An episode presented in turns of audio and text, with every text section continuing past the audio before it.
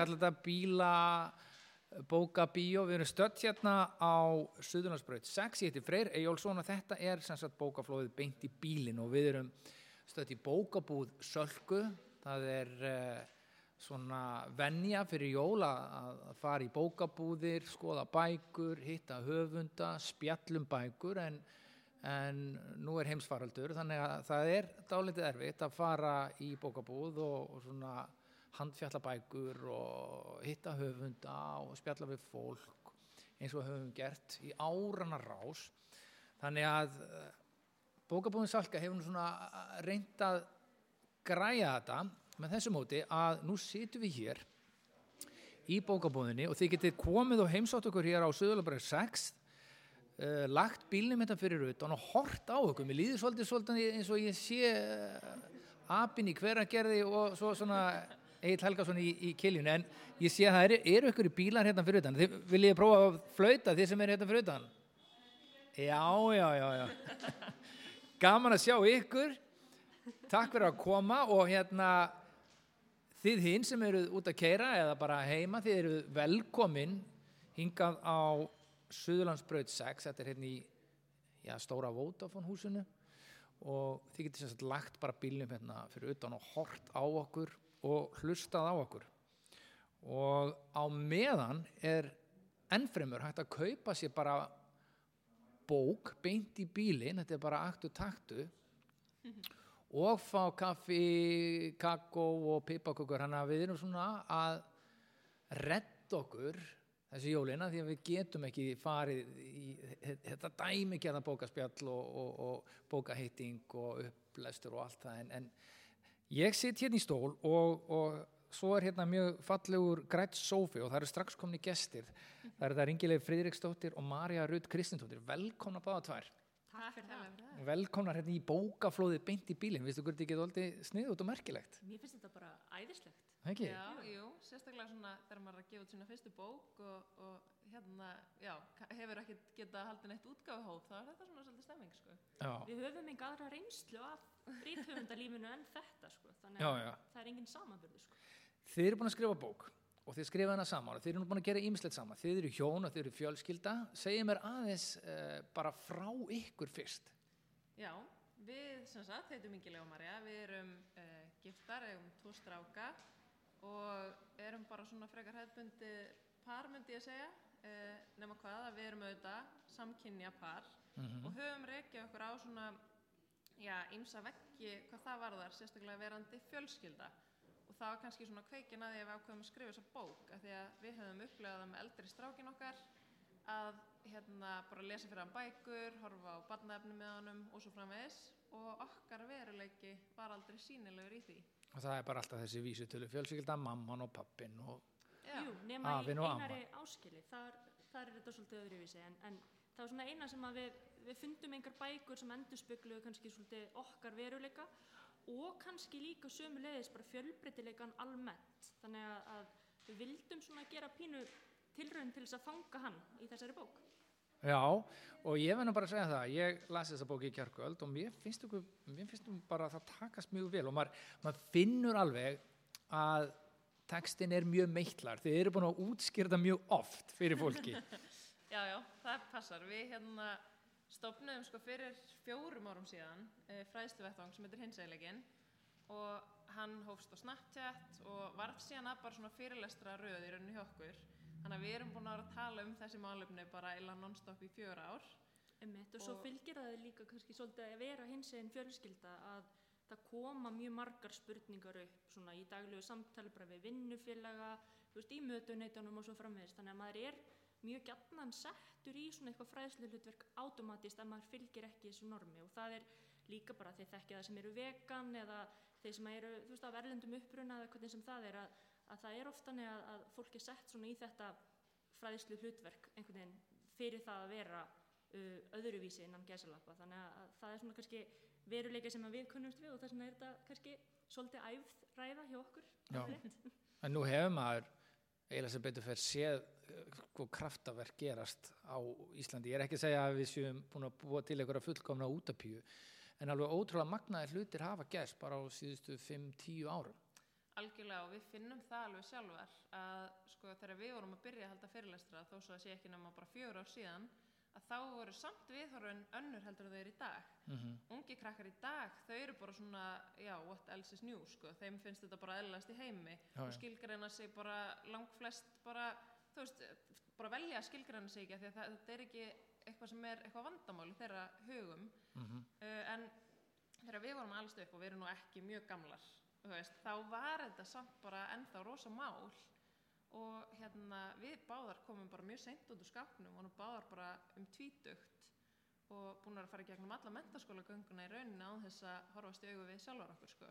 Já, þannig að það er ekki lengra síðan og ég menna, þú veist, við sjáum það líka bara, ég menna, hjónabönd voru ekki löglegt fyrir 2010 þannig að þetta er ekkert langt síðan að þessi barátta var bara ennþá í fullum gangi. Mhm. og það sem okkur finnst líka bara svo mikilvægt er bara sopningi á verðinu að því við höfum líka bara séð að gerast í löndum í kringum okkur þegar að fólk kannski telur réttindin vera í höfn þá bara getur síðan eitthvað öfgafl komist til al- valda og, og hérna þá er bara mjög auðvelt að kippa réttindum af fólki sko. Þetta er mjög brotætt fyrir bara fjölmenningarsamfélag og fjölbreytileiki og allt það. Sko þegar ég tók upp þessa bók og þið sjáðu henni hérna, þið sem eru fyrir utan, þá síndist mér strax að þetta vera barnabók og hún er kannski svona formin til, þá lítur hún út þannig en þetta er ekkit endilega bara bók fyrir börn, þetta er bók fyrir alla og finnst mjög fallet hvernig þið notið þetta form bara til þess að útskýra flókin og viðkoma hluti eins og t- trans uh, einstakling Mhm, transbarn.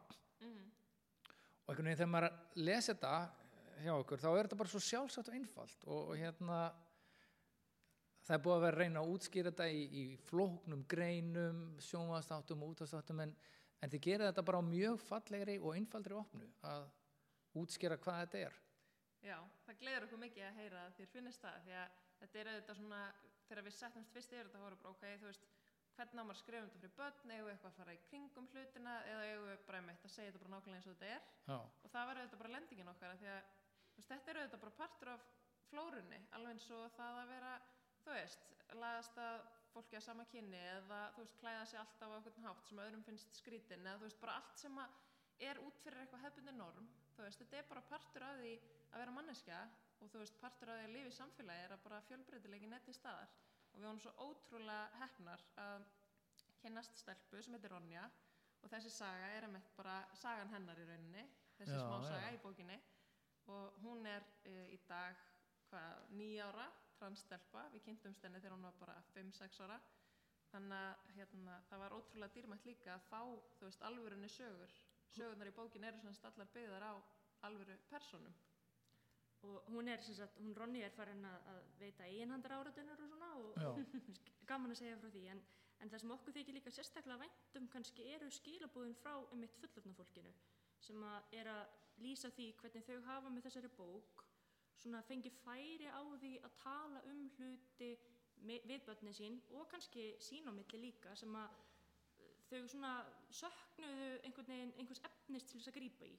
Og, hérna, og það er svona kannski það sem að okkur þykir vænstum það er þessar stundir sem fólk er að eiga núna uh, hvort sem það er einmitt upp í sófa eða fyrir svefnin eða bara hvernig sem er og, og eru að ræða fjölbreytileikan og að hann er ekki hættulegur og þú veist okkar svona helstu skilabóð eru í raun og veru bara það að fordómar byggjast á fáfræði og með því að fræðast og tala um hlutina þá útrýmum við fordómum og þessi bók er tilraun til þess að búa til eitthvað efni fyrir okkur til að grípa til af því að það eru þetta við erum misörug að tala um ólíka hluti og það er bara mjög eðlilegt að það þekki ekki allir alla anga fjölbreytileikans Mhm. en, hérna, en þetta er svona eins og ég segja okkar von er svo að þessi bók fræði bæði fullorðna og unga fólki okkar Já, það kom mér óvart. Ég held að þetta væri mitt bara svona barnabók en, en, en hérna hún, hún svona tala mjög uh, sterkt til manns og, og hérna bara þessi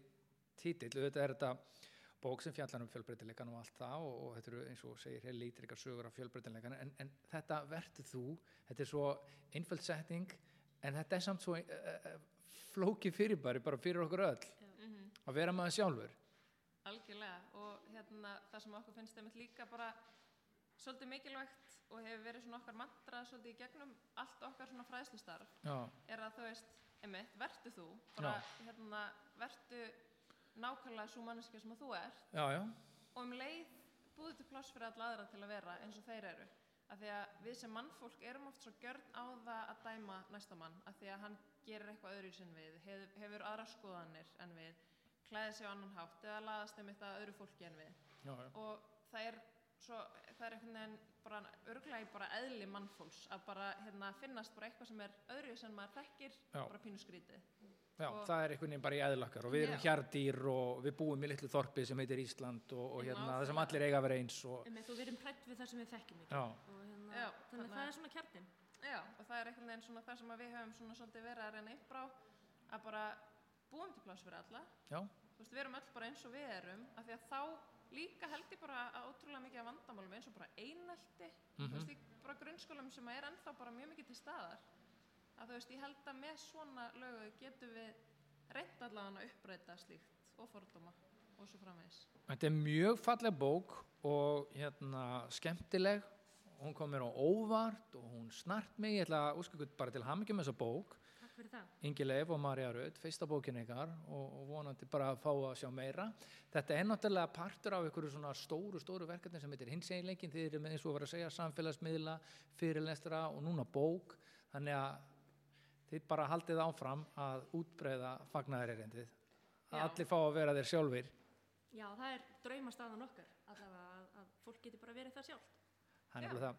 Takk fyrir spjallið og gangi ykkur vel Takk fyrir. Og- Takk fyrir það og gleðileg jól bara, má margir fara að segja það, það er allir byrjar að þjóðstarta þessum jólum. Algjörlega og gaman að sjá ykkur í bílunum. Já, Já, þið mjög megin skemmtilegt. flauta og þakka fyrir ykkur. Svona klafi.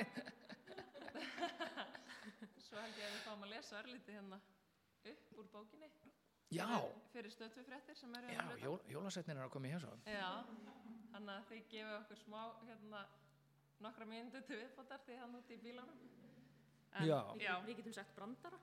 En, en svona, þá, svona þar að auki, sko, að hérna, að því við byrjuðum dálítið að tala um Ísland og þú veist að hér hefði margt gest og, og, og hvernig finnst ykkur bara núna svona almennt Íslands samfélag vera svona í samaburði við önnur nágrannlega til að kemur að þessu? Um, sko, ég held að við stöndum bara mjög framalega. Um, það er samt, sko, það er gefið út árlega það sem að kalla regnbóakort ILGA fyrir svona stöðu landa í Evrópu. já, Við erum alls ekki efstar, sko. nei, Og hérna, nú ætlum við að fara að lesa þess, held ég. Uh, en við skulum svara þessari spurningu betur eftir. já, já, nú er hérna, nú er jólasetnin komin. Já.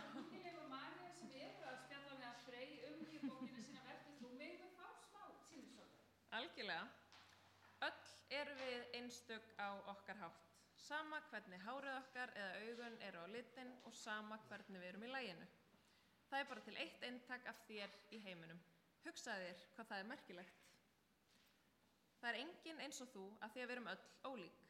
Meira að segja einægja tvíburar eru ekki nákvæmlega eins. Þó svo að þeir séu mjög líkir í útliti hafa þeir oftast ólíka persónuleika, áhugamál og drauma. Þetta eru Ási og Ari. Þeir eru tvíburabræður. Ási fættist sjö mínútum undan Ara, svo tæknilega séð er hann eldri. Þið fengu þannig smá snikpík Smá. þegar hann út í bílunum. Já, þetta er mjög merkelt það sem er í gangi hérna. Við erum með útvarp og sjónvarp Já, og, og að leikhús og. Og, Mjög hérna uppákomu og gjörning. Þetta er mjög margmila. Þetta er fjölbreytt. Já, herðu, gangi ykkur vel með takk hinseginleikan og þessa hérna bara mjög svo fallegu og innilegu bók. Takk fyrir Ingi Leif og Marja Rutt. Takk Takk fyrir fyrir í hérna bókaflóðið, beint í bílinn. Ekki spurning og hún fæst hér þessi bók, þið getið pantað hana beint í bílinn og, höfundarnir eru hér og þeir geta árita bækurnar og það er alveg svona mögulegt að spjalla við á í einhverju svona tvekja metra fjallað með grímu og eitthvað slíkt. En það komið að næsta gesti og uh, það er hann Pálmar Ragnarsson sem hefur skrifað bók sem heitir Samskipti sem er mjög áhugavert fyrir mig sem ég starfa sem samskiptastjóri þannig að ég er búin að vera að drekka þessa bók í mig þetta er sagt samskipti leiðavísir að jákvæðum samskiptum á mörgum sviðum hvort sem er í engalífinu á vinnustad eða í félagslífinu. Þetta uh, hljóma kannski eins og okkur leiðileg sjálfsarpa bók en þetta er síður en svo eitthvað svo leiðis, því þetta er hér, hér liggja rannsóknir á baki. Hann er búin að stúdera þetta og skrifa rannsóknir um þetta maðurinn og þetta er allt saman sett upp á mjög skemmtilegan hátt og hann er eitt vinsalasti fyrirlesar landsins. Og við getum eiginlega ekki fengið hann í sofasetti að þess að fá hérna smá svona smá sjó, Pálmar. Ég ætla bara að bjóða þér að, að hérna áðurum kemur í sofan að að aðeins að fá svona smá sínishort af þessum frægu fyrirlestu þínum. Gera svo vel. Góða kvöldið, kæru gestir. Og ákvaði gaman að sjá fólk mætt hérna í eitthvað alveg nýtt sem hefur aldrei verið gert áður á Íslandi. Bílabóka upplestur. Þetta er frábær hugmynd og ég er svo vanur að þið fá mikil fagnalæti. Það verður gaman að fá smá fagnalæti. Að sjá hérna flautinni í gang og hendur upp í loft ef einhver er að hlusta. Já, já, það er fullt af fólki að hlusta. Það var lægið. Vá. Wow. Það er fullt af fólki og svo líka bara út um, út um alla Reykjavík sem er ekki hérna fyrir framann líka. En ég heiti Pálmar og ég skrifaði bók um samskipti og þetta er efni sem er mér mjög hugleikið.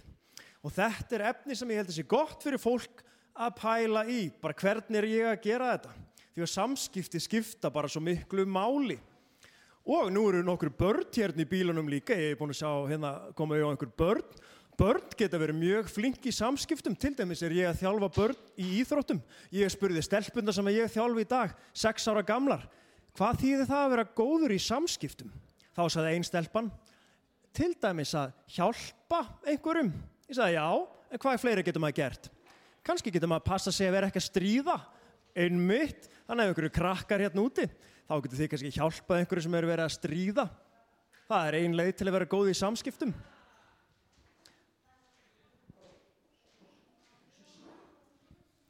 Ég er aðeins að sussa á liðið, það er sem ekki stemming hérna eftir stöðtu Herðu, aðeins að sussa á liðið. En bókin mín, hún er sem sagt þessi hérna, gul á litin, inn í henni eru alls konar kaplar og hérna er ég einfallega að hvetja fólk til þess að æfa sig í samskiptum. Af því að fólk hugsaður lífið oft svo þannig, við erum alltaf að æfa okkur í ymsum hlutum og taka framförum, við erum að taka framförum í heilsu og svefni og öllu þessu en við gleymum að æfa okkur í samskiptum og margir hugsa bara ég er eins og ég er og ég ætla ekki að breyta því. En með því að auka færðn okkur í samskiptum þá getum við gert allt lífið einhvern veginn auðveldara. Við getum fækkað áreksturum við fólki sem okkur þykir væntum við getum eigum bara greiðari leið einhvern veginn að öllu.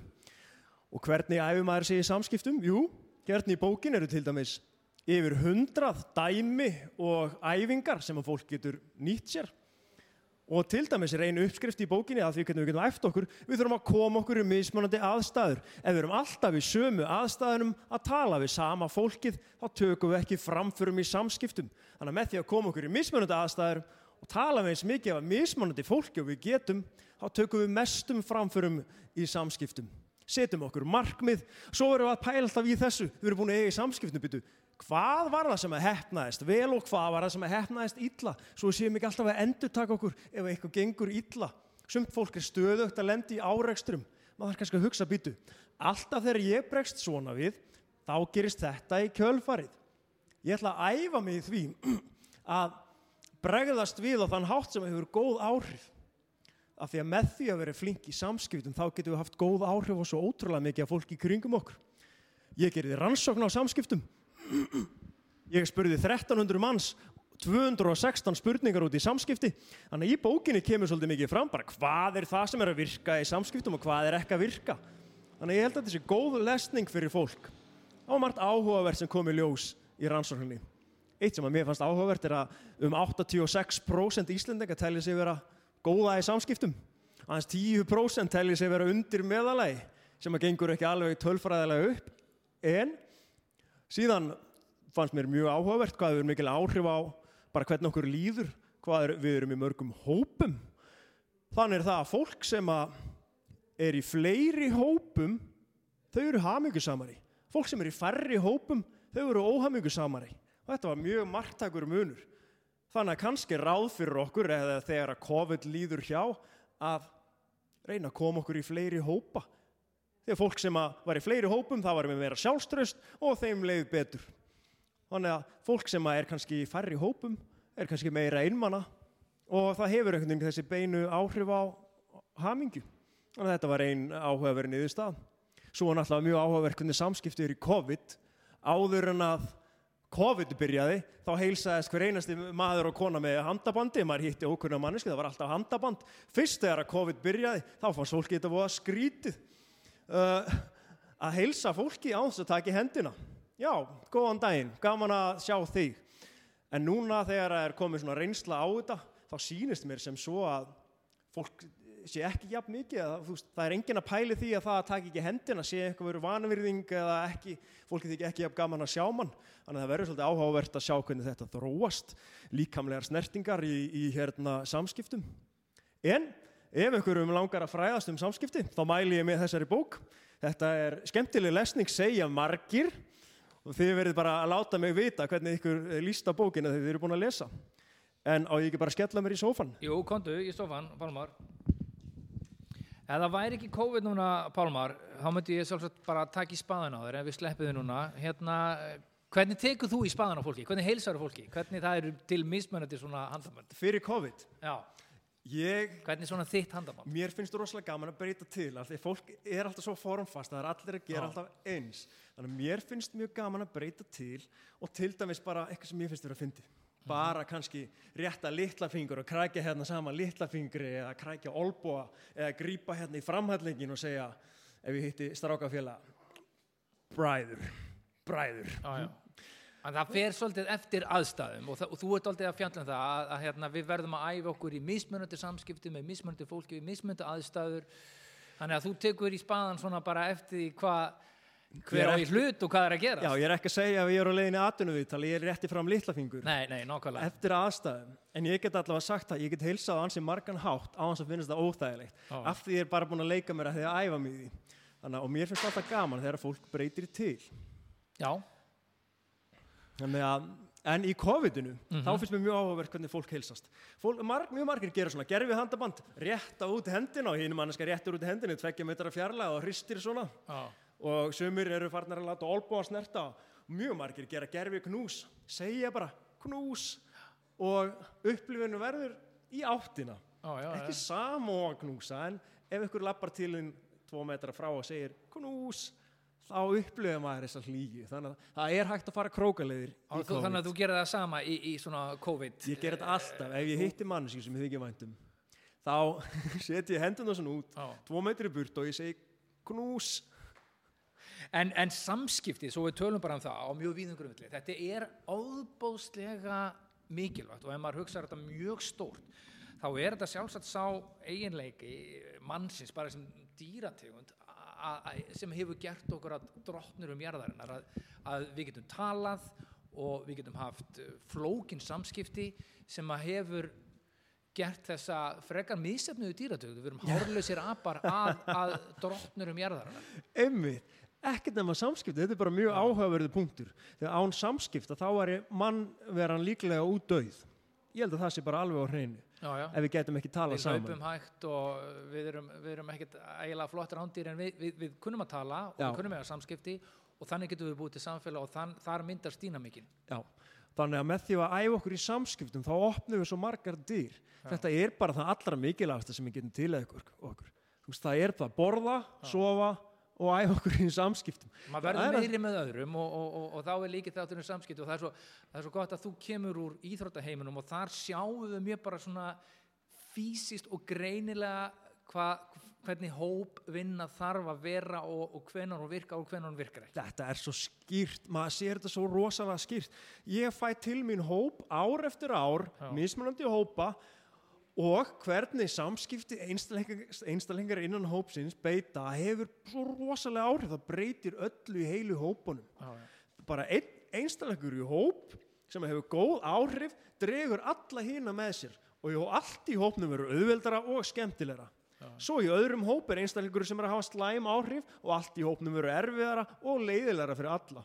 Já, já. Og maður sér þetta svo skýrt í íþróttunum og þetta er hægt að yfirfara það sem maður sér hjá börnunum maður er hægt að yfirfæra þetta á vinnustæði því að fólk þekkir þetta líka. Já, já, maður er að vinna með ykkur sem er að hafa góð áhrif alla. Vinnustæðar að vera skemmtilegur fólki laka til að mæta og allt gengur vel. Svo er fólk að vinna með einni manneski sem er að draga alla niður. Það verður þingra andurslótt fyrir alla. Allt verður erfiðara, krefjandi aðstæður verður erfiðara að bregðast við. Þannig að þetta hefur bara og við öll höfum bara svo mikil áhrif En svo er svolítið fyndið að gefa út bók um samskipti í 2020 þegar við þurftum öll að læra samskipti upp á nýtt og fara á sumfundi og, og einhvern veginn læra nýja reglur og ný viðmið. Einmitt. þetta Þú er ekki klórað í kollinu þegar bókin kom út bara, Nei, ég var náttúrulega bara hvað er að frétta Já, þegar að já. þetta fer alltaf stað og bókin minn er nánast tilbúin en ég held að bókin sé bara ennþá merkilegri heimild fyr, af, út af þessum sökum af því að rannsóknin er gerð, kortir í COVID. Já. fólk er að svara rannsóknin rétt áður en COVID byrjar. Og pælið í hvað þetta er mikilvæg heimild eftir kannski fimm ár þegar að svipur rannsókn verður gerð hvað hefur breyst frá því að COVID kom?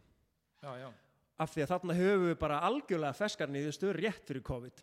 En mín trú er að samskipti í heildina upplegið er ekki að fara að breytast nei, nei. nei.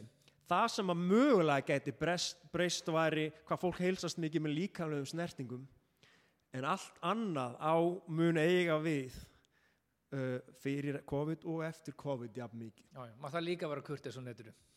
Maður þarf að vera kurtis á netinu, já. Algjörlega. Og kunna samskiptareglur þar. algjörlega, það er einmitt eitt kapli í bókinni sem fjallar um samskipti á netinu.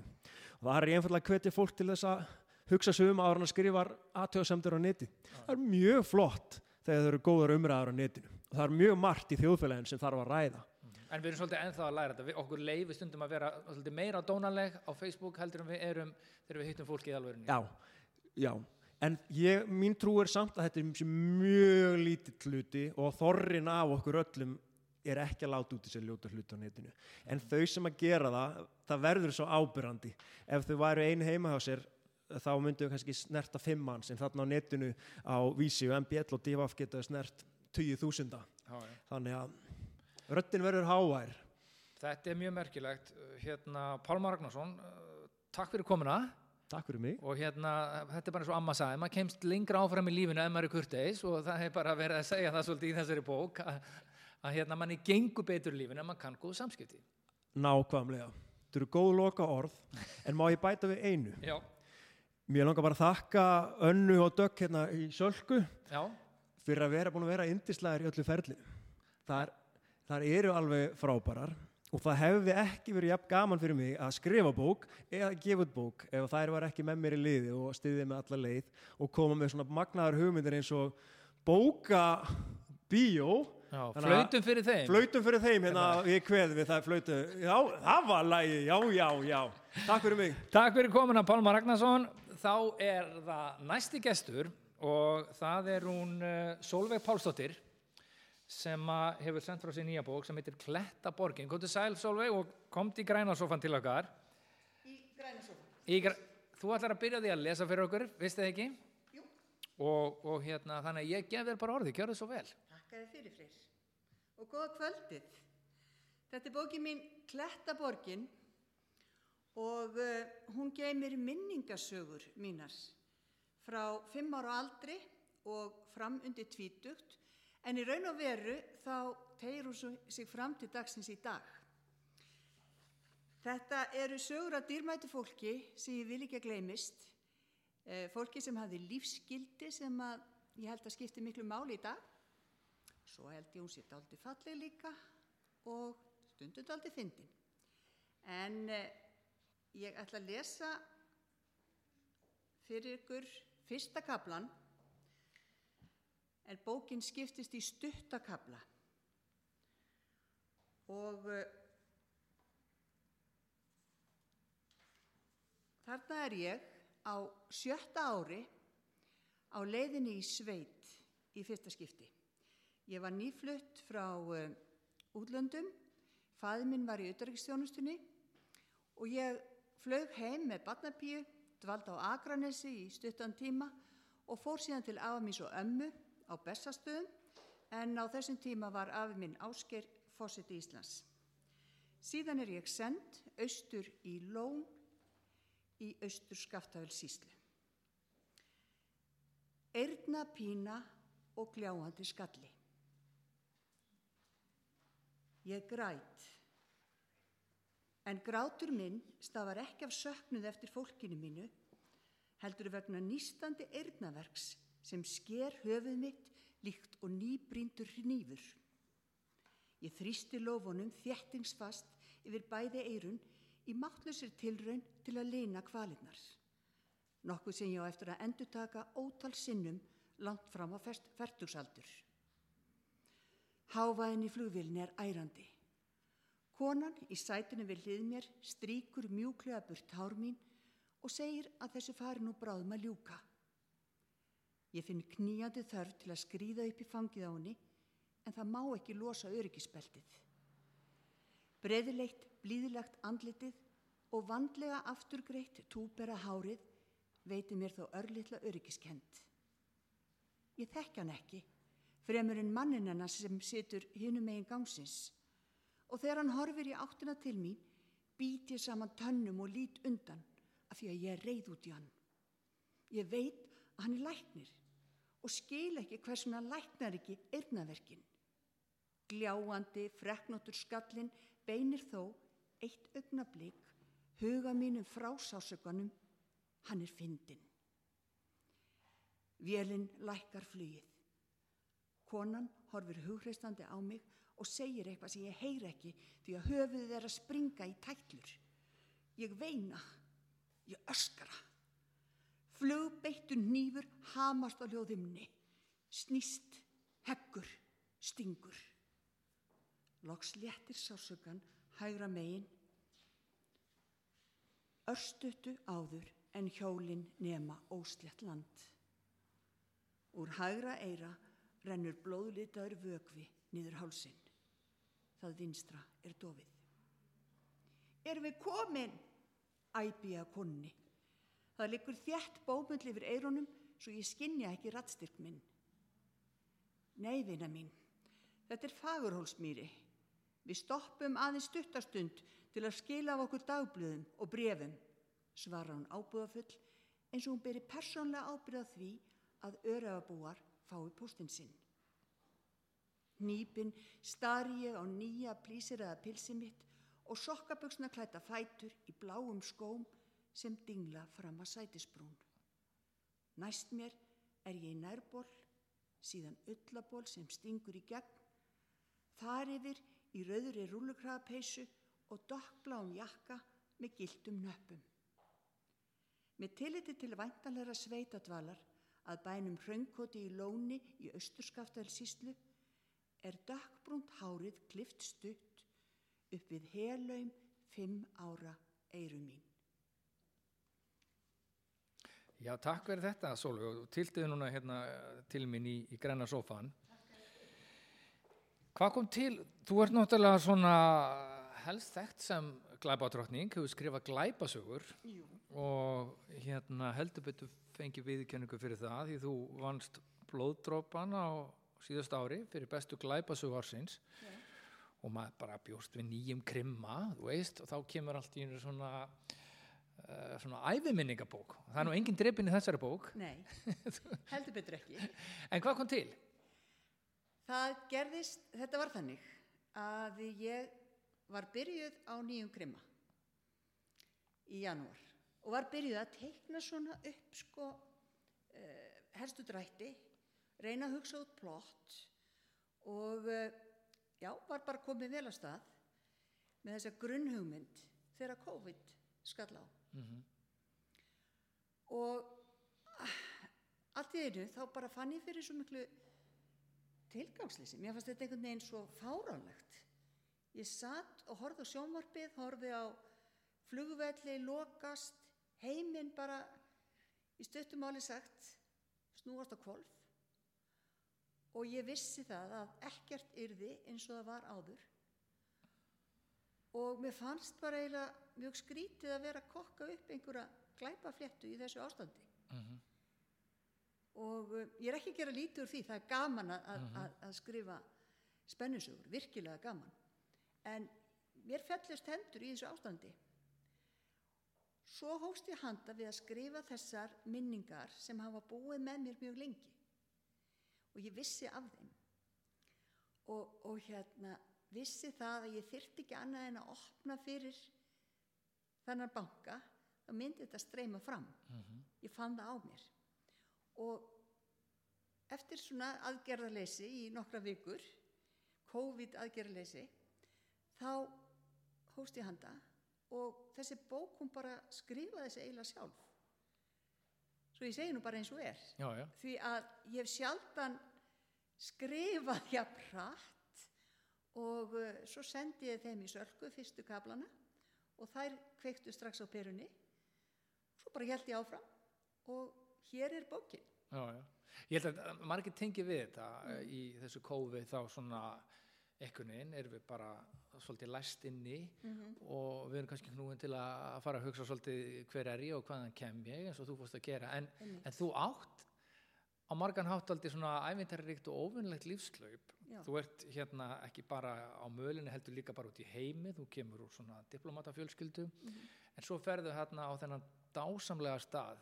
Östurland á, á lóni það sem að e, þú, maður fer nánast eiginlega bara aftur í tíman já, já, það sem búskapar hættir eru fornir þetta er einangraður staður. Ekki drama.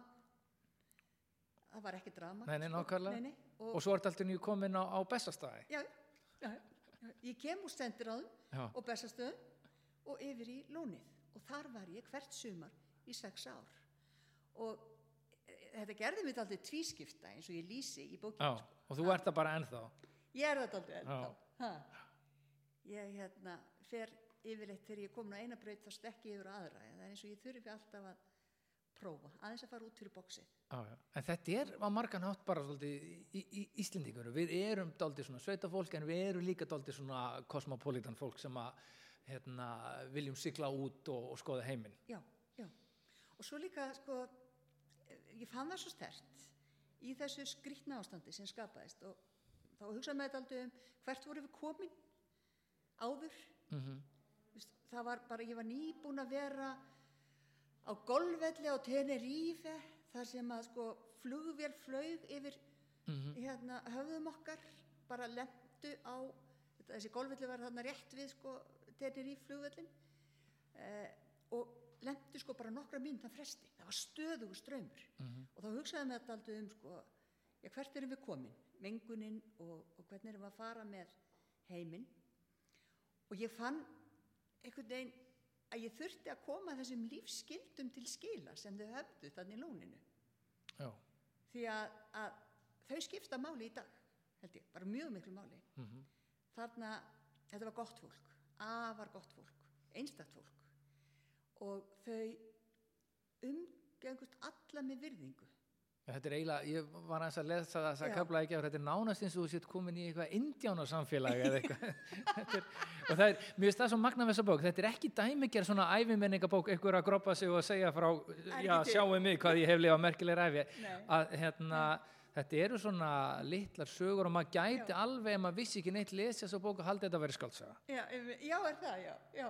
Þetta eru alls konar minningabrót, kaplarnir stuttir, þeir heita skrýtnu nöfnum eins og bútaðar kleinur og hortréttar randalínur. Uh, hérna, kap, kaplinn sem ég var að lesa heitir Eirnapína, næsti heitir meiri Eirnapína. Mm eitt kaplinn, það er svona ástaræfintýri sem að ég uh, verður til þess að ég handlegsbrít prestin á höfn uh, í óheilari merkingu. Já, Eh, ég hérna, var hann svo svakalega trúið því að þau voru svo trúið í raungoti, sérstaklega sigurlög. Þannig að hérna, já, ég þurfti að byggja messufall og Guð bæn heyrði mig innan gæsa lappa svo rosalega að presturinn datt og handlegsbreyt sig á báðum. Þetta var til þess, að, já þetta er lögsa, ég ætla ekki að segja frá þessu, en, en sákapli sem kemur í kjálfara því heitir I love you ekki já, já, já. En þetta er svona alls konar stuttasögur og í bókinu eru líka myndir og alls konar minningabrót. já, já. Uh, hún er svona samsetningur og hún er eins ólík hefðbundir æfisu og hugsa getur en það Já, er þetta ekki svona bók. Eh, Nákvæmlega og það er einhvern veginn margs konar tími, aðstæður og Alls konar fólk. alls konar fólk, fólk, og, Alice Cooper, og þetta er mjög lígileg bók. Eh, hugsaður um það sjálf hugsaður um það sjálf þú skrifaði þetta að hérna, æfi þín væri kannski bara líf þitt væri á margan hand lígilegra heldur en einhver, einhver skaldskapur ég er ekki æfa okkar allra Já. sérstök, Er það ekki alltaf þannig? Er ekki bara. raunveruleikin sem að gefur alltaf ímyndunar aflan á kjaftin? alltaf, alltaf, alltaf ég get sagt þér það að ég hef einu sinni haft raunverulega fyrirmynd Mhm. í bók eftir mig, í glæpasögu og hérna það er í eina skipti sem ég fengið í gaggrinni að persónan væri ekki nógu trúverðug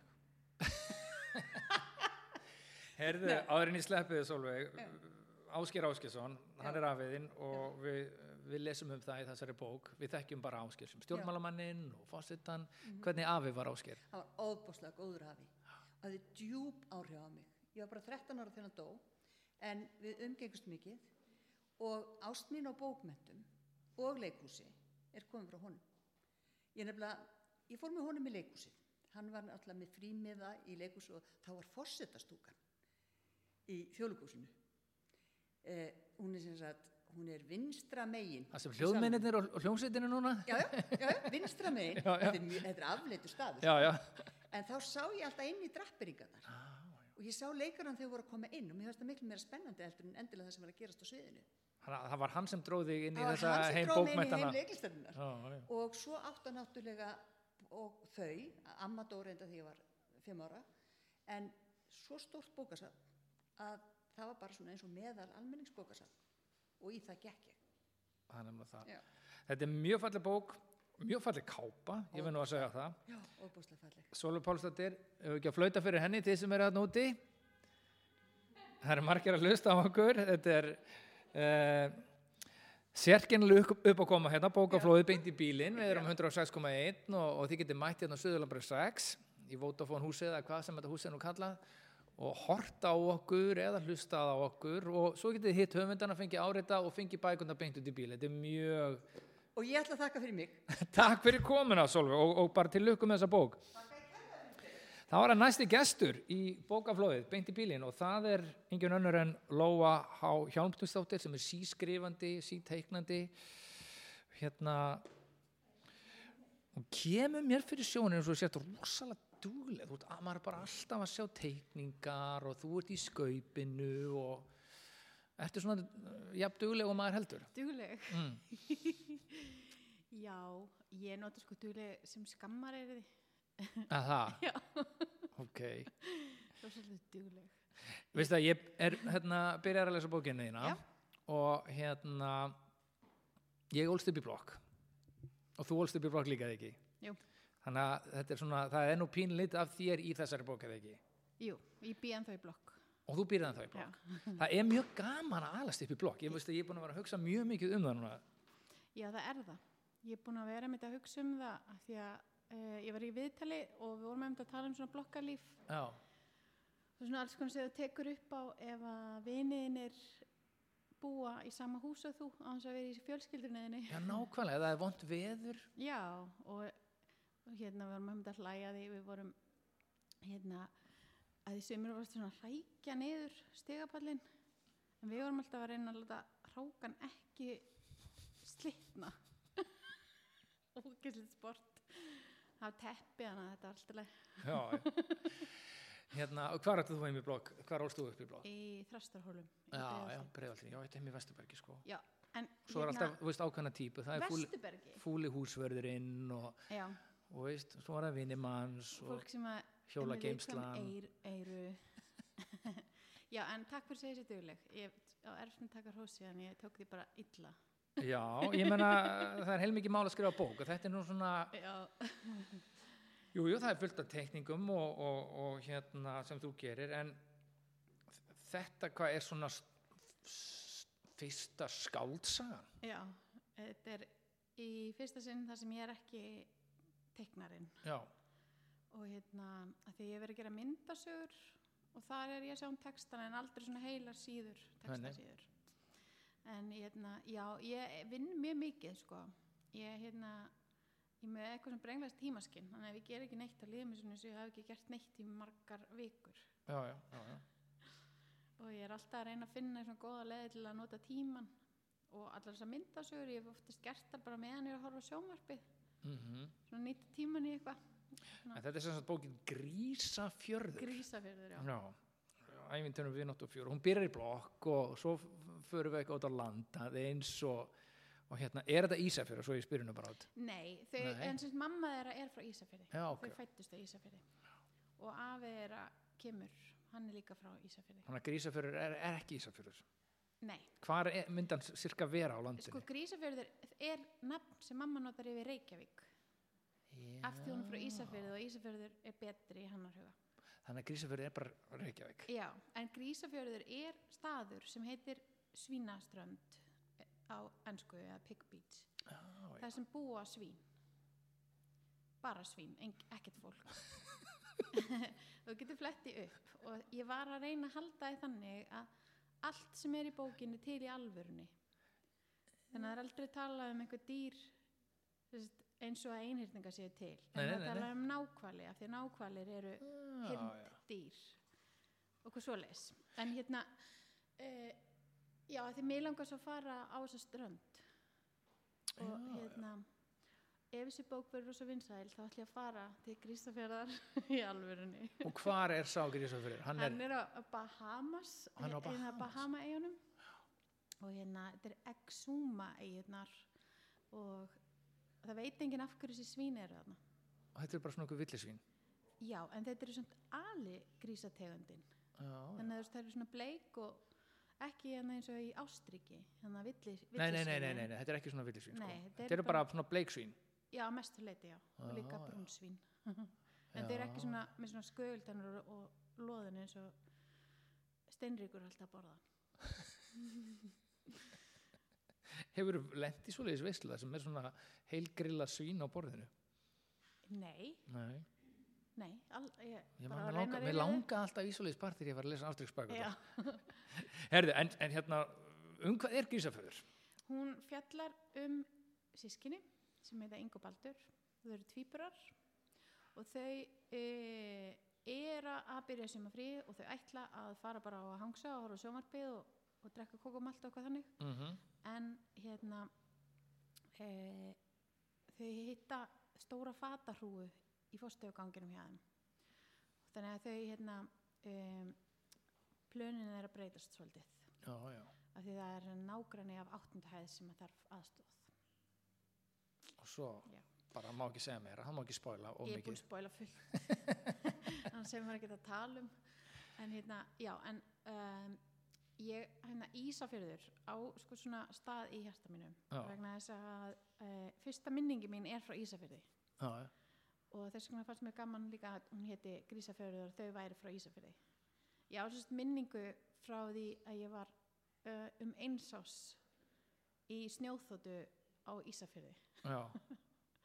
þannig að mér ást eitthvað gaman að tengja þetta allt saman og hérna já. láta hann heita Grísafjörð. En sko Lóa, þú ert náttúrulega algjör snillingur í að teikna myndir og koma ykkur svona hugsun í svona bæði myndrand grín og myndranagagrinni og bara svona eitthvað sem allir er að hugsa í þjóðfélaginu hefur bara rammað inn með einni mynd. Og þú, þú ert bara algjört síðan í því það má bara alveg segja það. En, en nú þarftu bara að skrifa texta hvernig fannst þér að svitsa svona úr þessu svona að, hvað við segja, hugsa myndrænt í að, að bara búa til svona stóran samfélta texta? Já, sko, ég þegar að gera búa til svona myndasögur- samfélta langa, langa, langa narratífi. Er þetta, Já, það er hérna ólíkt að því leiti að eins og til dæmis e, þegar er að gera myndasögurnar þá reynir ég alltaf svona að lækka pressu þröskuldin alltaf svona, það þarf ekki að vera það sniðugt, það þarf ekki að vera ef þú gerir bara eitt á dag þá hlýtur að gera eitthvað, eitthvað skemmtilegt ef þú gerir 30 á mánuði. Og það fer einhvern veginn svona pressan af því og þá er auðveldara að fá hugmyndir. En mér fannst uh, að þurfa að fara í gegnum texta og vinna hann aftur og passa að einhver væri ekki héti ekki eins og eitthvað annað og með það Já, svona já, já, mesta þrautin að halda samræminu og hérna já, og halda með mér það lengi í heila hugmynd. Já, já. Því að við mynda sagði bara búin að teikna hana búið. Þetta er eins og að fara bara úr 100 metrar hlaupi í marathonlaup já, Já. já, alveg nákvæmlega það. Mhm. það er að borða netur og eitthvað. Já, karb og lóta eitthvað, ég veit ekki, ég kann ekki að hlaupa sko. Nei, nei, nei, nei, nei, nei. Og svo ertu náttúrulega lí- líka mamma, er, er, er hérna, ertu búin að fá bókmæntagakrinni frá síniðinu? Eh, hann hefur ekki sagt neitt fóla mikið, hann var að hjálpa mér að hérna, e, með, skoða myndirnar. Já, að því hann e, spottaði að ég teknaði boga vittlust nú, sem er eitthvað sem þú myndi ekki vita fyrir að þú tekna boga. Hérna, spýtan er bogadregin en þráðurinn er bygg já, en í lógiskri hugsun þá snýr maður því einhvern veginn við. Já, en hann alltaf notar boga en Já, ekki ég þannig að ég, hann, spottaði þetta Börn eru bestu gaggrindi maður. Heyrðu Lóa, til hamingi með þetta, þú ert svo dugleg, þú þarf örugglega að fara að gera eitthvað, það er áramöndaskaup og teikningar og, og hérna fleiri bækur. Takk fyrir komuna. Já, takk fyrir mig Hérna, ég bara hlakka til að lesa Grísafjörð Já, og skemmtun. Ég ætla að fara á eftir að googla þennan stað þarna á Bahamas. Já, uh, ég held að þú getur slegið upp Pig Beats, mamman googlaði það líka Pigbeats, já. Þegar þú ert með flauta fyrir henni Lóu Já.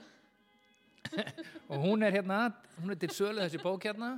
En það er líka límmeðar í henni og dúkkulísur og postkort frá Grísafyrði Nákvæmlega, þú veist, þetta er, þetta er, þetta að er eins og þessi þáttur hérna, þetta er, þú veist, leikhús og útvarp og það er margt í þessu. og það er hérna miljón krónu ávísun undir bílónum ykkar Það er letið Takk fyrir komuna Lóa og gangið vel. Það var að næsti gestur og hérna, ég ætla hann ekki að fela það, það er nú bara góð vinkona mín, hún Nína Björk Jónsdóttir, komður sæl og blessuð. Og gaman að sjá þið Nína mín. Já, sem er leiðis. Hérna, við náttúrulega þekkist og erum vinnir og ég er búin að hérna, fylgjast með þið lengi að skrifa þessa bók og ég er mjög gladur að sjá að hún sé komin út en það er rosa skrítið ef maður fer inn á bókasafn eða inn í ykkur fortbókaverslun eða eitthvað slíkt þá eru endalausa raðir af bóku sem heita Merkir Íslendingar uh, eitthvað garpar í aldana rás sem eru bara svona einhverjir kallar. Það hefur aldrei komið út svona bók á Íslandi um merkar konur. Nei, og það er 2020 Nákvæmlega. Það er nefnilega svo ótrúlega. og helmingur Íslendinga eru konur og stelpur Já, nákvæmlega. Þannig að það var bara komin tími til að, að taka þessa sögu saman og, og lifta konum og segja söguna út frá forsendum þessara kvenna. já, já. Í staðan fyrir þessi ykkur auka personu sem, sem eiginkonur eða systur eða dætur Mhm. eða ástkonur eða eitthvað stíkt sko, þá, þá hérna er bara sagan sögð út frá þeim. já, já. Að því að það er nú alltaf verið að segja þetta. Þetta er nú allt saman komið og, og hérna, þetta er jafnbreytið, þessi feministari getur nú alveg bara að- aðeins fara að draga sér þetta er nú allt saman komið, en þetta er ekkert komið það vanta ennþá svona bók 2020 og þetta er hérna til hamingjum hún er ofbáslega falleg og hérna, ég er búin að vera að lesa hana og það er til dæmis bara fullt af konum sem ég hafði bara ekkert almennilega lesið um og tel ég mig þó ágætlega lesin mann og upplýstan. Hérna þú hefur fundið til Ímsar konur, eins og til dæmis þessi, þessi hérna kona hér, Halldóra Guðbrandsdóttir. Já, við könnumst alveg við hana könnumst við andlitið á henni en maður hefur ekkert mikið lesið um hana. Já, þetta er samt ekki sko... þetta er ekki, þetta er ekki fimmur Nei, er sko, er, er, nei, þetta er önnur kona og, og hún var sagt gift biskupi og var mikil hannirðakona, kona sem Já. var á fimmhúskallinu. En þessi kona, hún sagt, uh, það er til fallet málverk af sko hérna af uh, Ara í augri og, og uh, eiginkonu hans sem er sagt Halldóru. En, en Halldóra, hún, sagt, hún hefur komið fram sem persóna í einhverjum, einhverjum bókum og svona og náttúrulega sagt, í, í hérna í uh, bókmyndum sem hafa verið ritaðar og, og svona hún kemur einstaklega fram, ég fann svona ímislegt um hana þegar ég fór, þegar ég fór að leita að henni. Já, já, já. en þessa, þessa konu til dæmis þekkti ég ekki heldur, Halldóru Guðbrandsdóttur og það bara vildi svo til að því ég var eins og þú veist að þú ert vinnu minn að var ég með þessa hugmynd í maðunum lengi og var svona að að reyna að finna tíma í að gera þetta og svona bara svolítið að sapna líka þetta var bara svona að gerjast mjög lengi hjá mér. Þannig að ég var bara með eirun opinn og að leita svolítið að konum sem að, sem að væru merkilegar og, og, og líka bara svona leita konum sem ég þekkti ekki sjálf. Nei, og þarna svo bara var ég á hólum í Hjaltadal í heimsókn með erlenda gesti og, og hitti Solveigu Guðmundsdóttur biskup á hólum og hún hérna sagði okkur söguna af Halldór sem að þá stýri, stýrði hóla domstól uh, meðan að fadir hennar Guðbrandur var, var veikur og, og Gu- Guðbrandur Þorlóksson biskup, þetta var sérst árið 1625 og tengda hérna eiginmaður systur hennar, Ari Jögri sem við þekki nú fyrir Spánarvíin og, Mhm. og ég held að hann hafi nú ekkert verið neitt rosalega góður maður að hann, hérna, þegar hann fréttir að, að, að sýstir konu hans, hérna, mákona hans sé farin að taka við liklavöldum hann á hólum og farin að stýra hlutum að þá bara mætir hann á svæðið og ætlar að fara að læsa öllu og bara taka, við, taka, taka völdin. Já, Þú veist að hann var hrættur þá kannski um að, hann, um að hérna, arfur konu hann, hans myndi ríka það myndi rýrna eða eitthvað slíkt. Já, já. þannig að hérna, hún bara fekk skrifað konginum bref og fekk bara leifi til, fyrir því að stýra þessi já. hefur maður ekkert heyrt og þetta er bara, bara þetta mjög geggju skemmtilegt. saga og til dæmis bara, hér fær sko hver kona, hver Íslandsdóttir hérna einu opnu, teikning og mynd og, og til dæmis bara og veist, við erum með stýtt að Lefi Eiríksinni, við erum með heila Íslendingasögu um hérna Eirík Rauða. Hennar saga er miklu geggjæri, hún er miklu lengri, hún er miklu brjálæri, er, það er miklu meira drama, þetta er miklu starri saga í raun og veru en ótrúlega. það er engin stýtt af henni upp á skólaverðahöldi eða, Nei, það er endar pínlítið stytt af henni sko, hérna á Glumba í Skagafjörð þar sem Já. hún endaði æfina sem nunna og, en það er það svolítið sko af því að hún eignaðist fyrsta Evrópubúan eða sérst, það var nú sagt inn í gamla dag hvíta mannin sem, fættur, sem fættist í Norður Ameríku þannig að því að náttúrulega við fundum eða hvað, hvað, hvað maður getur sagt uppgötvuðum Le- Leifur, Leifur Hefni og, og hérna og hans lið þarna fóru og voru dvöldu sérst í Kanada í, yfir kannski eitthvað tvo vetur eitthvað svo leiðis í ákveðin tíma og þá fæðir hún son Mhm. snorra og þess, þannig að hún er svolítið, henni lift svolítið upp sem svona fyrsta evrópska konan sem eignast barn í Norður Ameríku eða eitthvað slíkt sko. Það er svolítið kannski líka út frá því að Já. þessi drengur hafi fæðist þannig að það stytta af þeim hérna mækinunum á glumba í skagaferðin, hún er pínu lítil það þurfti að Já. gera bara stóra flotta styttu af henni einmitt eins og á myndinni svona í stafni og horfi til hafs og, Já, já. Ég held að séu mjög margir þakkláttir að þessi bók sé komin út og, og til að mynda ég, ég á nýjára gamla stelpu og, og, og það er því miður eh, þannig en þá, þó að sé komið 2020 að þegar maður horfir á bíó og sjónvarp og lesaugur, þá er það bara daldir strákar og kallar fyrirmyndina. Þetta eru ábærslega flotta fyrirmyndi. Hver var fyrirmyndi þín þegar þú varst stelpa? Ég, segi nú svolítið frá því í hérna í formálunum að, að sko ég man alveg eftir því þegar Vigdís var veist, þá var ég fimm ára gömul og ég man alveg eftir að hafa hugsað, var svo mikið tala, hún er fyrsta konan í heiminum til þess að vera þjóðkjörin fórseti og, og, og þetta gaf mér og minni kynslu og náttúrulega bara öllum kynslum sem hafa komið síðan, kannski líka. Já. En þetta var svo mikið breyting á þessum tíma og maður upplifði þetta og ég man að ég hugsaði alveg bara, vá, hvað, ætli ég eftir að gera eitthvað sem að engin önnur kona hefur gert. Þú veist, þetta er alveg hugsun sem ég man eftir að hafa hugsað Já. á þeim tíma og mér finnst alveg rosalega gjöf að fá að hugsa þessa hugsun og að, að þessu, þessu frægi hafi verið plantað hjá okkar kynnslóð á sínum tíma. Og hún er að Þú veist, sjálfsögðu í sjá- bókinni. Hún er að sjálfsögðu í bókinni og, og hérna... Og Katrín Jakobsdóttir og, og uh, Jóhanna Sigurðardóttir sem að síðan eru fósettisráðarar. Þetta eru, eru mikilvæg skref. Algjörlega. Og mér fannst einmitt líka sko að því að það er alltaf það er erfiðast að við að skrifa svona bók er að velja. Að því að auðvitað eru fleiri konur merkilegar í Íslandsögunni heldur en komast í eina svona bók sem betur fer og auðvitað er það þannig. En, en ég reyndi að velja svona ólíkar konur sem að sem sagt, eru á ólíkum sviðum hafa skarað fram úr. Menn hann er líka fyrsta yðn, konan sem að var meistar í yðngrein og sem var ótrúlega flott kona og svo framvis og konur sem hafa heitlast af vélum eða skarað fram úr íþróttum eða listum og vísindum og svo mætti áfram telja. Og mér fannst líka mikilvægt að, að þetta væri fram á okkar daga. Já, þannig að sagt, ungar stelpur í dag sem lesa þessa bók og það er vita að það er ekki bara í gamla daga sem að var til merkilegt fólk og, og var hægt að gera eitthvað nýtt og, og, og, og sniðut heldur það er áfram hægt að til dæmis já, skara fram úr íþórtum eða, eða hvað sem það er eins og Hildur Guðnadóttir og, og Margrét Lára er hérna sagt, yngstu konurnar í bókinni já. Byrjar á Hallvegu Fróðadóttir sem er uh, fyrsta nafngreinda landarskonan, fætt um 850 og svo endar þetta á henni Margreti Lári sem er fætt 1986. Einmitt, Þetta eru Íslandsdætur og, og hérna örgulega mjög margar sem komast ekki að í bókinni, þannig að við kannski fáum Íslandsdætur 2 en hérna ég segi bara sem hérna faði nýjóra gamla, stúlku bara takk fyrir þetta nýjum að hafa komið þessu frangótt og, sé- og takk Salka fyrir að koma svona bara bóku út, þetta er frábært hérna, við ekki að flauta fyrir nínu þeir sem er hérna úti. Takk fyrir. Og Mér langar líka að nefna hana auði Ír Elisabethadóttir sem gerir myndirnar því að hún, þetta er alveg dásanlega fallega myndir sem hún hefur hérna, sett í bókina. Algjörlega, að, mjög, hérna- mjög fallegt verk. Takk fyrir þetta Nína Björk og til fyrir með þessa fallegu bók. Og þá er önnur Íslandsdóttir á leiðinni í græna settið. Það er hún Edda Hermansdóttir og hérna hún gaf út á bókunum gaf út á dögunum bók sem heitir Framkoma.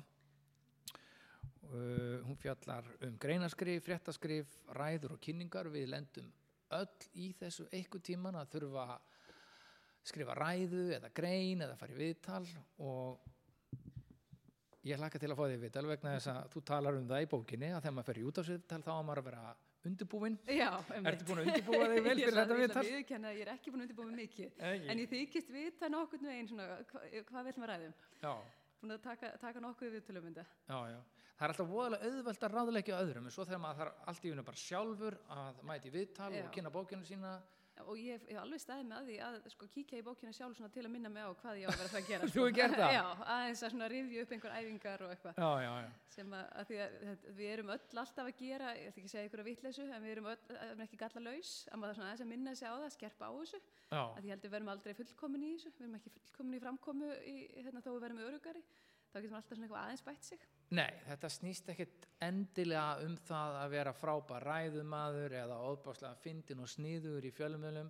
Þetta bara snýst um það að við þurfum öll einhver tíman að gera eitthvað að þessu og þá eru bara svona mjög uh, praktísk triks til. Já, algjörlega og sérstaklega fyrir einmitt kannski ungt og fó- fólk og líka fólk sem er að byrja að, tala það, að, að það kannski átta sig ekki á eitthvað sem kannski öðrum finnst mjög sjálfsagt að gera Já. að skrifa niður einhverja punta eða taka einhverja æfingar að það finnst ekkit öllum það eitthvað sjálfsagt að það, það fannst mér sko því ég var að skrifa þessa bók sumt fannst mér að vera of innfalt til að mér þess að skrifa það Mhm. en áttaði mér svo á því bara að þetta er ekkit sjálfsögðu kunnáta að við þurfum svolítið að byrja á byrjun bara hvernig búið til erindi hvernig hérna, skipulegjum við það og til að koma svona réttum atriðum á framfæri Já, að við sjáum líka auðvitað, það, það er bara svo mikið frambóð af alls konar efni allstaðar Já. og það er svo erfitt að ná til fólks að, að við þurfum að vera svona hnitmið í því sem við erum að segja og skrifa og annað slíkt og ég held að þetta sé pínu svona áskoranir hérna, nútímans í dag.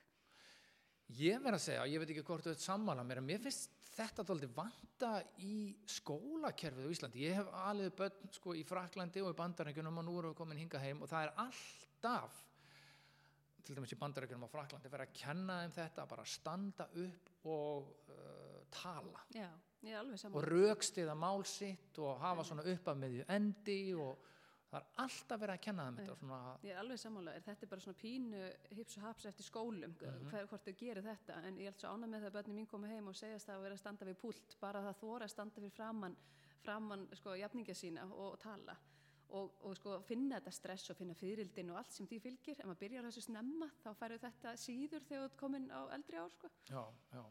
Jú, jú, og, og, og rauninni, sko, þegar maður rennir ekki endur bókina, hvort þú verður að skrifa Facebook-fæslu eða, eða sjónvarsviðtal eða útvarsviðtal eða atvinnuviðtal eða stýra fundi eða, eða halda ræðu, þá er þetta alltaf það sama í grunni. Þetta er svona einhvers konar upphaf, að byrja, fanga Já. aðteklina og svo ertu með eitthvað svona miðpunkt og svo lokar þessu saman. Já, og mér finnst þetta kannski að helsta þegar ég er að hjálpa fólki með þetta er að við viljum oft gera svo langan innganga einhver, við viljum að útskýra svo vel hvað við viljum fara að tala um að þú, en þú nærði ekki endilega augum og eyrum hérna, þeirra sem þú ætlar að tala við með því að vera með langan ingang og útskýra hlutina.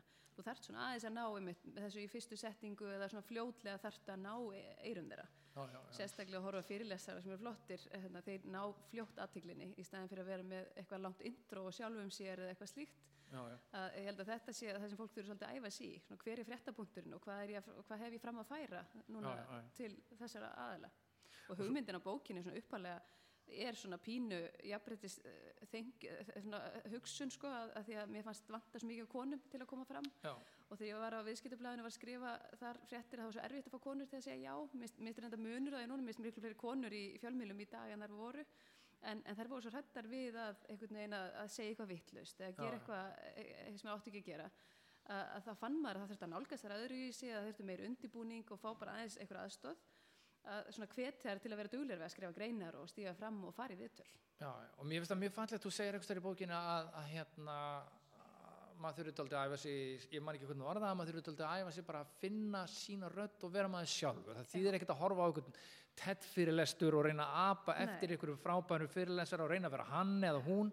Þú þarf bara að finna svolítið hverjir þínir styrkleikar eru, hver þú ert og byggja á því. Algjörlega og þetta er held ég það sem er held ég mistökin hjá mörgum fyrst og, og ég man bara sjálf eftir að maður byrja í sjónvarpi að þá átti maður að vera eins og eh, Logi Bergmann eða Eva Maria og, og maður ætlaði að lesa eitthvað handrita og, og með þess að brandara sem ykkur aðri skrifuðu að þetta mun aldrei vera, hérna, koma vel ekki. út að hérna, nei. bara annarkvort er ég fengin hinga til að segja mína brandara Já, já. og tala eins og ég tala eða, eða ekki sko.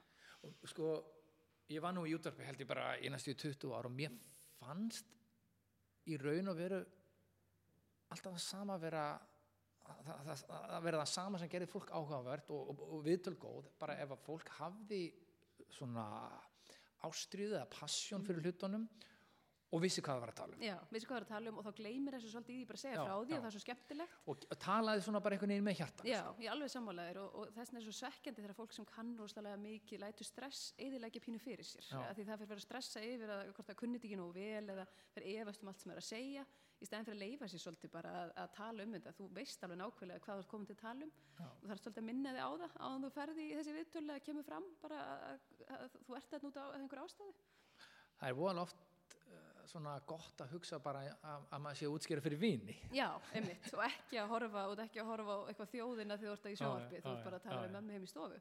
En svo er maður alltaf stressað, þú, þú lýsir því sjálf að, að þú vannst í sjónvarpi og þú ert ennþá stressið svo þú heldur ræðu hérna það er þetta að hérna, sem er mjög erfitt að nota stress í staðin fyrir að láta það tröfla sig. Já, að ég held að þetta sé nöðsynlegt að mörgu leiti til að maður undirbúi sig vel. Þetta, það er svona þessi fyririldi í maðanum eru góð, Já.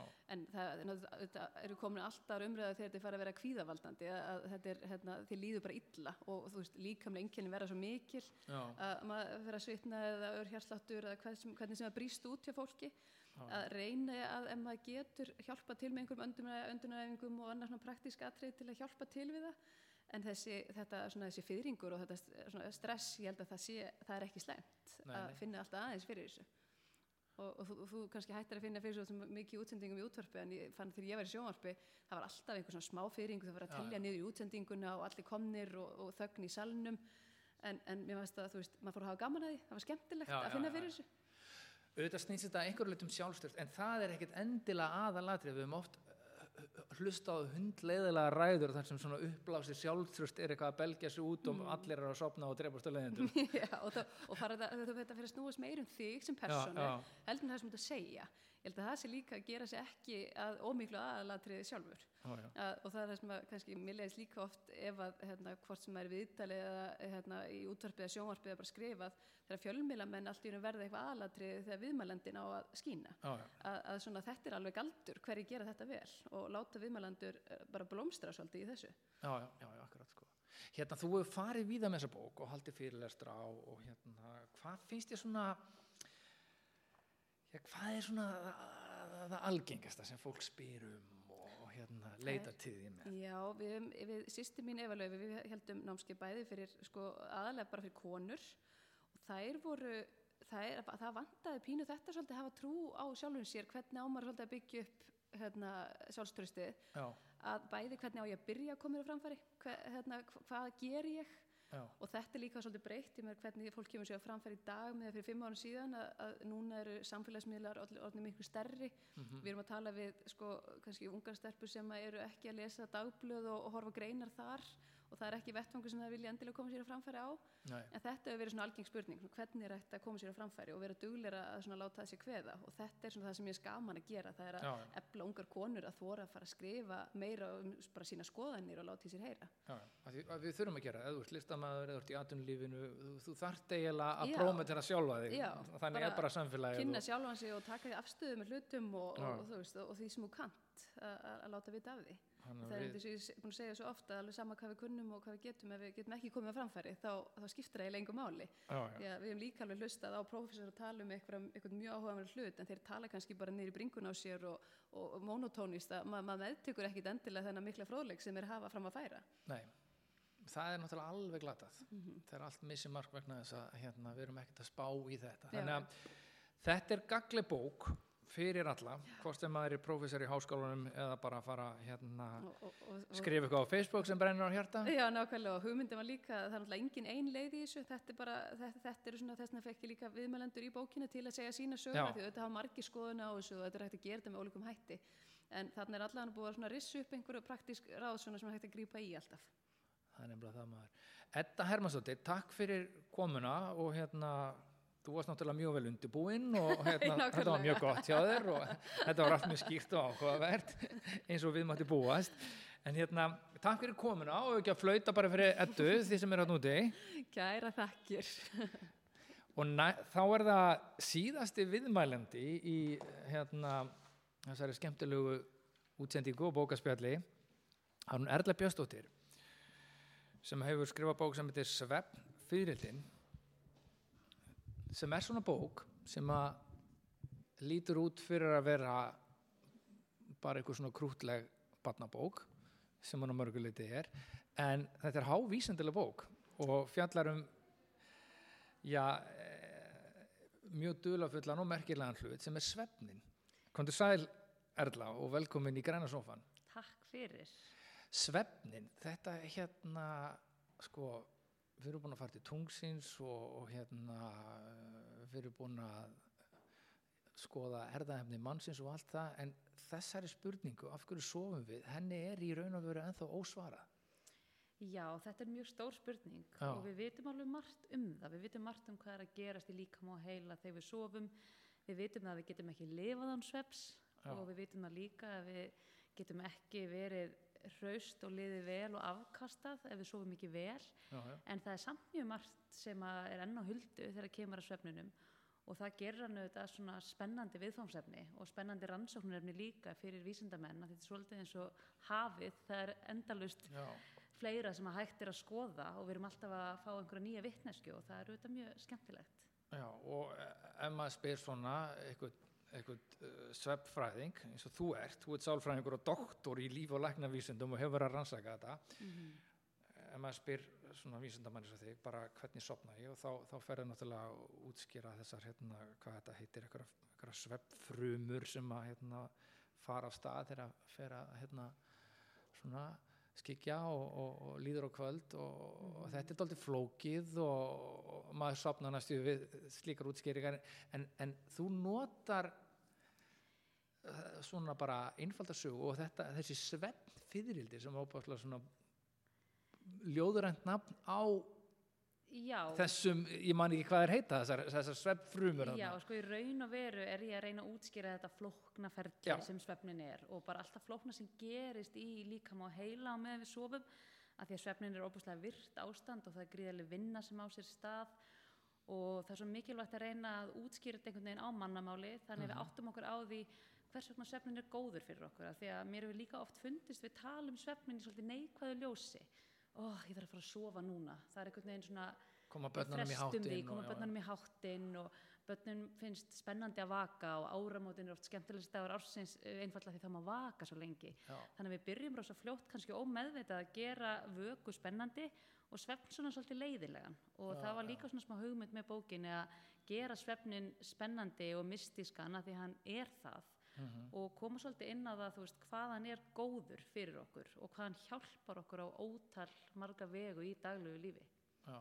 Gerir þú þetta oft sem uh, vísindakona að bara útskýra flóknar hluti með sögu? Þetta er náttúrulega besta leið í heimi til að skilja eitthvað og útskýra eitthvað, það er bara að segja sögu. Þetta er það og mér hefur alltaf fundist sem vísindamæður óbúslega gaman að miðla vísindum til almennings og ég hef reynd að vera duglega við að gera það og reyna að segja flókna hluti á einfaldan hátt. Ég hef aldrei farið þessa leið áður að koma þessu alveg í svona einfalda ævintýri en þetta svona er í rauninni eitthvað sem sprettur bara út frá samtali við minn eigin son þegar hann er fimm ára gamall og ég er að reyna að útskýra fyrir honum þetta svona flókna vísindalega sem er að gerast í svefninum og líffræðina á bakvið svefnin og svo framvegis að þá fer ég að búa til þennan búning og honum finnst þetta svo áhugavert og þá átta ég mig svolítið á því hvað börn eru svakalega móttækileg á þessum aldri og hvað svefnin er í raun og veru ótrúlega spennandi. Já. og það er svo margt sem börnum finnst spennandi sem er að gerast í svefni. Þú veist við erum að læra á með við sofum við erum að stækka, við erum að verða sterkari við erum að verða klárari við erum að hreinsa til í heilanum svo við getum lært nýja hluti daginn eftir. Ef við erum að efa hljóðfæri eða íþróttir þá erum við að verða betri í þeirri færni á meðan við sofum. Og þetta er allt svo merkilegt og þetta finnst börnum líka opuslega merkilegt að heyra því að þau vilja læra að lesa, þau vilja læra kannski á hljóðfæri, þau eru í íþróttum og í allskins verkefnum á daginn sem þau vilja standa sér vel í og þegar þau átta sig á þessu og þá kannski verður svefnun svona aðeins jákvæðir í þeirra augum. Já, og. Þér eru fundist þetta einmitt að að fólk svona líti á svefnindóli svona neikvæði með þetta er bögg að þurfa einhvern veginn bara að slökka á sér svona eitt Já. þriðja sólarhengsins Og ég meina það hefur lengi vel verið svona umræðan að fólk jafnvel stæris að því að sofa lítið. Það Já, við já, tengjum já. það einhvern veginn við dugnað og atorku að komast upp með lítinn svefn. Við höfum ekki tíma í nútíma samfélagi og öllum þessum hraða fyrir 8 tíma svefn á sólarheng. Já. En það er kannski aldrei meiri ástæða eins og ymmit núna þegar áreitin dinni á okkur allan daginn og við erum með þessi skjátæki og allt þetta að fá kvildina bæði fyrir líkama og heila. Nákvæmlega. Hérna, eh, sko, svept fyririldin, þetta er það sem að, þetta eru, hvað heitir þetta á vísendamáli? Sko, svefnfyririldin eru kannski ekkit vísun í eitthvað eitt ákveðið eða einhver Nei. einar ákveðnar frumur. Heldur reyni að búa til svona þessar dulafullu verur sem að koma svona til okkar á kvöldin og hjálpa líkamannum að koma sér í þá ró sem að nöðsynlegt er. Og það er ímislegt sem til dæmis svefnfyririldin hræðast, eins og til dæmis byrta Já. og þannig er kannski svolítið með vísan bara í melantónin, svefnhormóni melantónin sem Já, að byrjar ekki að framleiðast fyrir að fer að dimma, þannig að þannig er þau kannski skýrskotin í það. Uh, og þau svona koma þegar að fer að dimma og þegar við erum hann róleg, þau vilja ekki æsing, þau vilja ekki mikinn sigur, þau vilja alls ekki skjábyrtuna, þannig að þeim líður vel þegar við erum róleg og það er svona rökkur í kringum okkur og við erum búin að koma okkur í svona rólegan gýr að þá koma þau og svona hjálpa okkur að, að svona ligna aftur augunum og fara þá inn í líkamann. Og það er bara svona skáldskapur frá mér að þau já, já. geri það. Og þar byrja þau svona að hjálpa líkamannum við alla þessa mikilvægu vinnu og ég er svolítið að líka þessu við bara verkstæði. Þú veist, við erum að setja líkam og heila á verkstæði á nóttinni og það er í raun og veru ekkit ofsögum sagt því að það er alveg óbáslega viðgerastarfsemi sem á sér stað hverja einustu nótt. Þannig ég reyna að koma kannski með svona einfalt myndlíkingar mál alveg eins og bara, þú veist, við erum að styrkja ónæmiskerfið og ég er svona líka því við bara björgunasveit sem að er að verja okkur gegn flensum og pestum og sveppfyrildin er að hjálpa til við þetta allt saman. Og síðan þegar við vöknum að þá aftur á móti vilja þau fá byrtu og þau vilja farum á fætur því þá fljúa þau bara út í daginn. Og hérna við vitum ekkert hvað verður um þau þá sko. Sko, hvernig finnst þér, hver er munurinn á því að halda bara fyrirlustur upp í háskóla um svefn og skrifa síðan barnabók? Er þetta, þú veist, e- eitt og það hefði saman, til að eru sko vísindin að reyna að útskýra hvernig heimurum virkar og listin er reyna að gera það líka, listin er reyna að útskýra fyrir okkur daldi lífið og hvernig heimurum virkar og hvað við erum og hvers vegna.